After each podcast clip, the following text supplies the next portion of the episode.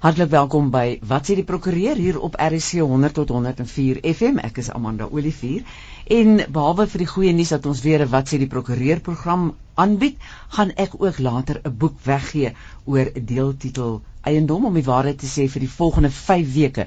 Dis bly ingeskakel hier so teen die einde van die program gaan ek die vraag vra en dan skakel jy net die omroeper in die ateljee vir die volgende program of wat gaan ons fokus op die grondwet en ek dink jou regte en ek dink dis 'n baie belangrike aspek maar meer hieroor gaan ek vir Ignas Kleinsmid aan die woord stel. Hy is van van Velden Duffy ingelyf in Rustenburg en onthou die program word aangebied met die komplemente van die Prokureursorde van Suid-Afrika. Goeiemôre Amanda, goeiemôre luisteraars. Dit is weer aangenaam en 'n voorreg en 'n plesier om met julle te kan gesels oor sake van die reg. Vandag veral baie lekker om 'n baie spesiale gas welkom te heet. Ons sê welkom aan professor François Venter. Hy's 'n akademikus verbonde daar aan die fakulteit regte in Potchefstroom en Noordwes Universiteit en uh, alreeds vir baie jare lank François 35 jaar besig met Suid-Afrikaanse en buitelandse staatsreg, fundamentele regte waaroor ons vandag bietjie gaan praat, publiekreg teorie en eh, 'n uh, loopbaan wat werklik spreek van akademiese uitnemendheid en ook van praktiese betrokkenheid in Suid-Afrikaanse grondwet. Hy was onder andere luisteraars en die van u wat 2 weke terug die voorreg gehad het om te luister, sal weet dat hy uh, ook baie nou betrokke was tussen 1990 en 1995 by die onderhandelinge en die formulering van ons nuwe grondwet. Daar talle boeke geskryf, talle wetenskaplike artikels. Belangrik is hy's uh, by baie baie goeie universiteit betrokke. Uh, die van ons wat almal daar studeer het, sal dit weet. Dis naamlik by die Pik kampus van die Noordwes Universiteit waar hy dekaan is sedert 2001. Fransjo baie baie hartlik welkom. Dankie Ignas, 'n voorreg. Goeiemôre Ignas, Amanda. Ons gaan die volgende paar weke so 'n bietjie gesels uh, met jou Fransjo. Vandag gaan ons bietjie praat oor die kwessie van amnestie en presidensiële begenadiging en uh hoe ons grondwet homself of daarmee besig gehou het. Bietjie praat dalk so dalk oor die herkoms en die betekenis van begenadiging en as ons geleentheid kry dalk vandag of volgende week, hy was so gaaf om vir ons uh beskikbaar te wees vir meer as een program, gaan ons bietjie praat oor al die skole sake, die die omvang, die beperkings van skole se beheerrade, die baie interessante Ermelo saak, die Rivonia saak, die die Mushit saak, al daardie dinge. En dan is daar ook later Amanda luisteraars gaan ons 'n eh, bietjie praat oor die verhouding tussen die howe, hoe ons konstitusionele hof daarmee gehandel het, die howe en die regering, parlement aan die een kant, die burgery aan die ander kant, uh en veral hoe ons hof met hierdie dinge omgegaan het. So baie dankie ook uh, vir jou bereidwilligheid om hierdie baie interessante kwessies en die onlangse hofsaak is in 2010 oor hierdie dinge met ons te hanteer. Fransjo, om af te skop, daar was die afgelope paar jare reeks sake gewees wat te doen gehad het met aansoeke om begenadiging deur die staatspresident van mense wat dan nou vir ernstige misdade veroordeel is. En dit is 'n emosionele saak. Ons sien baie koerantberigte daaroor eh want daai mense beweer dan dat hulle vergeefbare politieke motiewe gehad het, dat hulle begenadig behoort te wees, dat hulle amnestie behoort te kry vir die misdade wat dan gepleeg is. Nou, ek dink om mee af te skop, wat behels amnestie? Hoe hou dit verband met presidensiële begenadiging? Nou dis 'n baie interessante vraag om so 'n gesprek mee te begin want ons het in die uh, afgelope klompie jaar 'n bietjie van 'n vermenging gehad van amnestie en presidensiële begenadiging. Dit het te doen natuurlik met die ontwikkelinge rondom die Waarheids- en Versoeningskommissie wat voortgespruit het uit die ooreenkoms uh, die plegtige uh, afspraak wat gemaak is met die 1993 grondwet. Maar basies het 'n mens te doen met amnestie die hele wêreld vol wanneer dit gaan oor die beëindiging van 'n politieke konflik. Dit behels die verlening van immuniteit teen toekomstige litigasie, strafregtelik of privaatregtelik is wat gebaseer is op optrede van die verlede. Daarteenoor is begenadiging iets wat betrekking het op die vergewing van 'n individu uh, deur gewoonlik die staatshoof in ons eie geskiedenis voorheen die kroon uh, vir 'n misdaad waarvoor die individu reeds skuldig bevind is. Ja. Nou net kortliks, ek dink almal ken nog die geskiedenis van die Waarheids- en Versoeningskommissie wat tussen 1995 en 2001 gefunksioneer het.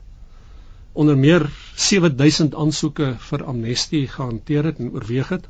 Sommige is toegestaan, sommige is nie toegestaan nie. Terwyl jy oor toestaan en nie toestaan praat nie, byvoorbeeld die 33 lede van die PAC wie se aansoeke van die hand gewys is, is later deur die president toegestaan. En toe die toe die ander politieke partye bietjie by waar geklim het, veral ek dink die IFP met hulle klomp aansoeke wat weer nie toegestaan was nie. So bietjie daaroor ook miskien, want dan wil ek maak ons deur mekaar as as gewone burgers. Ja. Dit was nie net PAC lede nie, was ook 'n groepie ANC lede ehm um, wie se aansoeke nie toegestaan is nie en toe het president Mbeki aan hulle presidensiële begenadiging gegee. Reg. In teenstelling met amnestie, ja. ja. Dit het daartoe ander gegee dat daar 'n hele klomp uh gevangenes was. Oor grootte meerderheid van hulle was uh, lede van die IFP. En die IFP het destyds doelbewus besluit om nie aan die uh, WVK se verrigtinge deel te neem nie. En toe het hulle na aanleiding van die begenadiging wat president Mbeki verleen het aan die ANC en PAC lede het hulle daar in Mei 2002 en die, die datums hier is nogal interessant. 2002 ook aansoek gedoen by die minister van Justisie om presidensiële begenadiging op sterkte daarvan dat hulle misdade waarvoor hulle in die tronk gesit het, dit was ernstige misdade en die meeste van hulle dat die misdade ook gepleeg was met 'n uh, politieke motief. Ekskuus vir ons, hoe het ons howe toe nog gereageer op hierdie aansoek? Die howe het eers later in die prentjie gekom. Die regering het vir 'n geruime tyd niks gedoen nie, want van hierdie aansoeke het daar dit het blykbaar administratief gelê uh en toe in 2005 nadat daar 'n hele klomp keer vra in die parlement gevra is oor die kwessie deur IFP lede uh het die president verklaar dat hy nog nie die aansoeke gesien het nie. Onthou nou hierdie aansoeke volgens die begenadigingsproses word voorgelê aan die minister van justisie wat dan die president moet adviseer. Ja uh, en die president het op daai stadium gesê hy het dit nog nie uh, gesien nie en dat hy opdrag gegee het aan die minister om stappe te neem sodat die aanbevelings vir hom voorberei kan word. Nou daar het nog steeds niks gebeur vir 'n geruime tyd daarna nie. En toe het die IFP besluit om om te wend tot die hof en ook tot die menseregte kommissie. Nou die menseregte kommissie het nie veel verder gevorder nie want die want die howe het toe nou die saak begin hanteer. En miskien moet ek net op die stadium ook noem dat nou let op dat die die WVK het gewerk met amnestie. En hier ja. was 'n aansoek gewees, aansoeke gewees vir begenadiging en ja. op 'n stadium het het die twee begrippe met mekaar begin die mekaar raak. Ja. In 2 November 2007 het my Bekkie seker 'n aankondiging gemaak in die parlement. Ja, nou onthou die oorspronklike aansoeke is in 2002 gewees. Ja, so 5 jaar later. 2005 het, het, het die president toe in die parlement aangekondig dat hy in besit was van meer as 1000 begenadigingsaansoeke van veroordeeldes wat ehm um, beweer het dat hulle by die pleging van hulle misdade waarvoor hulle veroordeel is, politieke motiewe gehad het. En hierdie politieke motiewe is ter sake omdat die WVK proses het daai politieke motiewe vereis vir amnestie.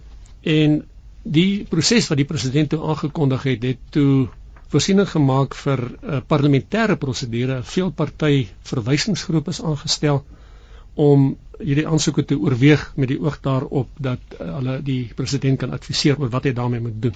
Maar hier in Februarie 2008 het die hof toe betrokke geraak, nê. Nee. Dis reg, die Hooggeregshof in Pretoria het toe die minister beveel om binne 3 maande te doen wat nodig mag wees uh, om die president daartoe in staat te stel om sy verpligtinge ingevolge die begenadigingsproses na te kom. Nou die minister het teen hierdie uh, bevel geappeleer Bloemfontein toe na die Hoogste Hof van Appel. Intussen het uh, president Mbeki uitgetree as vervang deur president Motlanthe en kort daarna deur president Zuma die hele kwessie is toe nou van die een president na die volgende toe aangegee. En uh, toe die hoogste hof van appel die saak hanteer het het die minister se appel aansoek toe nie geslaag nie. Dis toe van die hand gewys in 2009 op daardie stadium. En toe appeleer die minister na die konstitusionele hof toe So later in die program, so in die derde gedeelte, gaan ek uh, vinnige kompetisie hê en jy kan die eienaar wees van 'n boek deeltitel Oorlewingsgids geskryf deur professor Graeme Paddock, maar meer inligting daaroor so net voor die einde van die program. Ek is Amanda Olivier saam met my Ignas Kleinsmid. Ons het nou gehoor Amanda luisteraars van die frustrasies en irritasies wat verskillende groepe gehad het met die aansoeke om begenadiging en om amnestie en al die dinge wat uh, daarna gebeur het in die howe en uiteindelik uh, is die saak toe nou verwys na die konstitusionele hof toe maar het ook vertel Frans sodat daar ook 'n parlementêre verwysingsgroep aangestel is. Wat het hulle toe intussen gedoen voor die ding nou na die by die grondwetlike hof beland het? Die verwysingsgroep het wat werklik 'n veelparty verwysingsgroep was, die die voorsitter daarvan was ook nie uh, lid van die regering nie. Het die klomp aansoeke toe nou geprosesseer, maar die verrigtinge wat hulle gevolg het volgens die voorskrifte, die die reëls wat opgestel is daarvoor was nie deursigtig geweest nie. In die sin dat die slagoffers van die misdadigers se optrede wat nou aansoek gedoen het het nie toegang gehad tot die verwysingsgroep nie. Hulle het die kans gehad om insette te lewer voordat nou begenadiging dalk gegee word. Inderdaad. Soos wat die geval was met gedurende die WVK proses. Ja, ja. Nou toe 'n groep nie-regeringsorganisasie die Hooggeregshof weer in Pretoria genader om 'n interdik te kry teen die president om hom te verbied om enige aansoeke om begenadiging toe te staan alvorens hy daai slagoffers van die applikante se misdade geleentheid gegee het om insette te lewer. En toe hierdie verwysingsgroep se optrede toe gerem nou. Hulle het eintlik hulle hulle werk afgehandel gehad, maar het uh die standpunt geneem dat dit nie deel van hulle werk was om die die die slagoffers aan te hoor. Die hof is toe oortuig deur die aansoek en dit toe 'n interdikt teen die president toegestaan. Dis nogal belangrik ook vir die verdere verloop van die hele kwessie uh en en die applikante wat nou aansoek gedoen het en wat die hof nou gesê het wie se slagoffers nou geleentheid moet kry om met die president daaroor te praat het toe daarteen die beslissing teen, teen hierdie interdik eintlik geappeleer en ironies is hierdie aansoek om hierdie interdik ondersteun deur die president en die minister en hulle het toe nou regstreeks in die konstitusionele hof toe appel aangeteken. En wat gebeur toe nou daar? Die appel van die minister teen die bevel om vordering te maak met die oorspronklike aansoeke het geslaag op grond daarvan dat ten spyte daarvan dat daar 'n uh, werklik 'n lang versuim was van die kant van die regering jaar, nee. meer dis meer. op daai stadium was dit al 7 jaar gewees. Ja. Uh ten spyte daarvan dat dit nie die minister was wat gedagvaar moes geword het oorspronklik nie, maar die president. Want uh, dit is nie die minister wat begenadiging uh, toe ken nie, mm. verleen nie, maar nie die president. Eh, die hof was simpatiek geweest teenoor die applikante of die uh, oorspronklike applikante, maar het gesê die reg sê, die grondwet sê dat jy kan nie die minister dagvaar as die president eintlik die, mm. die die effektiewe persoon is wat daar moet optree. En toe dadelik het die applikante vir begenadiging weer aansoek gedoen. Uh nie aansoek gedoen nie, hulle toe nie die president gedagvaar om om die saak nou verder te hanteer. Nou wat ons nou hier het, is dit net twee afsonderlike maar verbandhoudende kwessies rondom die hele kwessie van amnestie en begenadiging bymekaar gekom wat nou die konstitusionele hof in twee verskillende sake moes hanteer en ook uitspraak gegee het omtrent 'n maand uitmekaar het.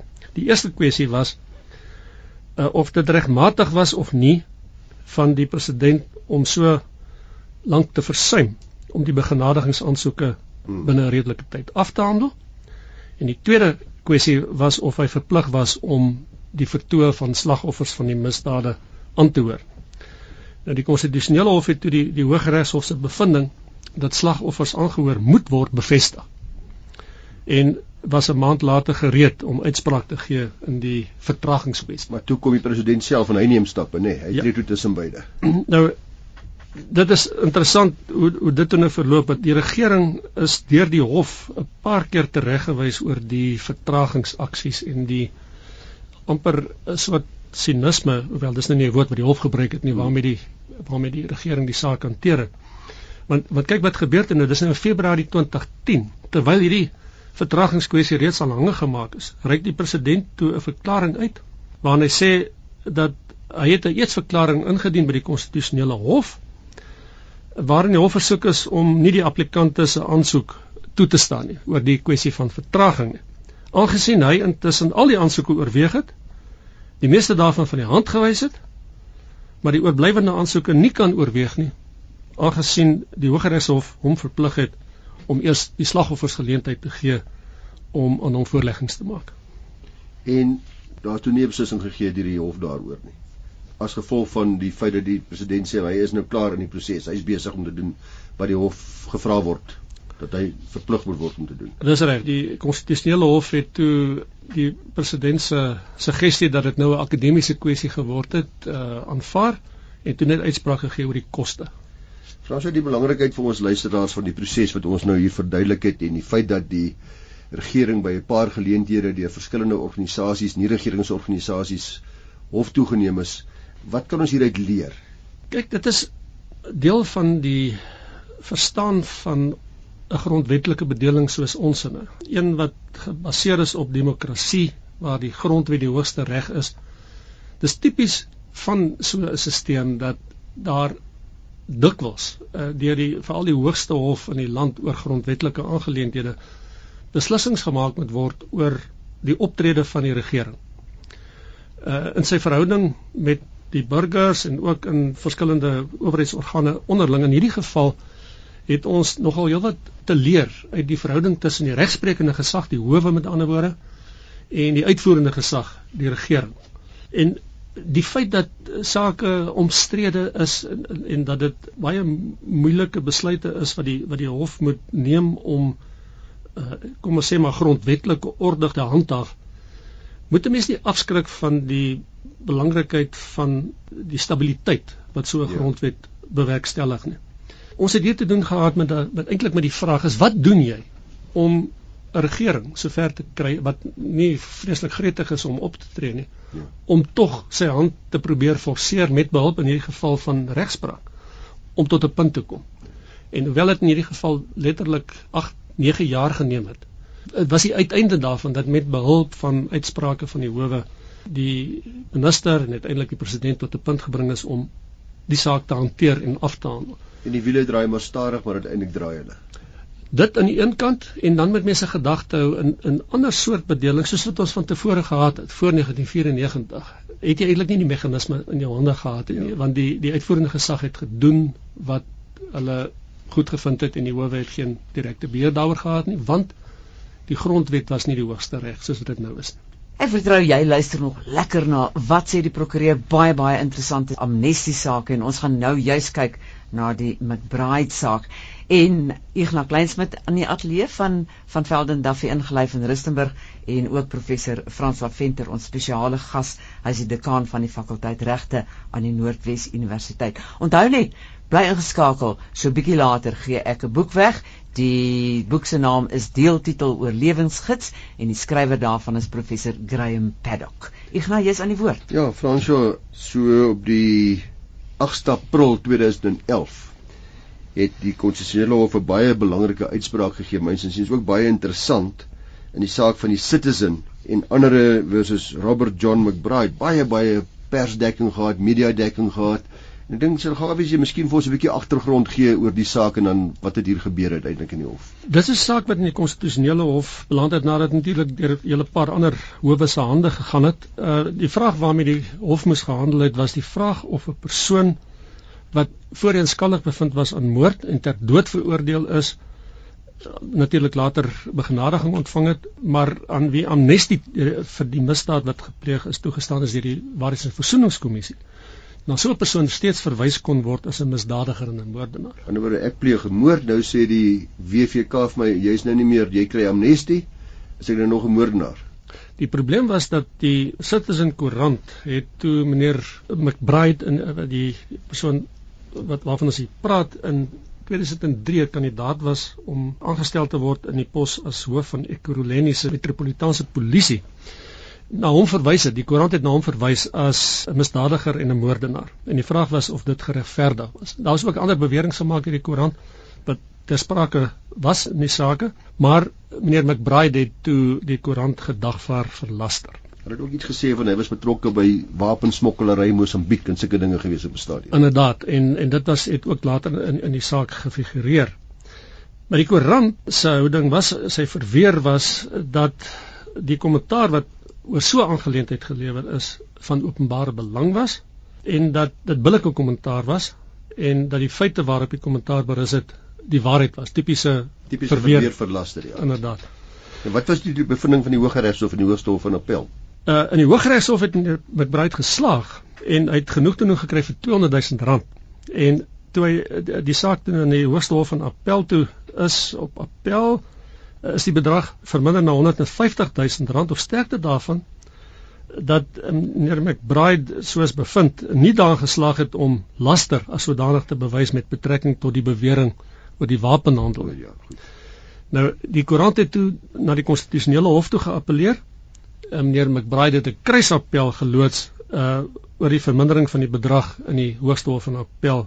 Om net op te som wat wat die effek daarvan is dat die Hooggeregshof en die Appelhof sê albei vir meneer McBride jy slaag met jou eis alhoewel daar's 'n bietjie 'n klein klemverskil tussen die twee eise.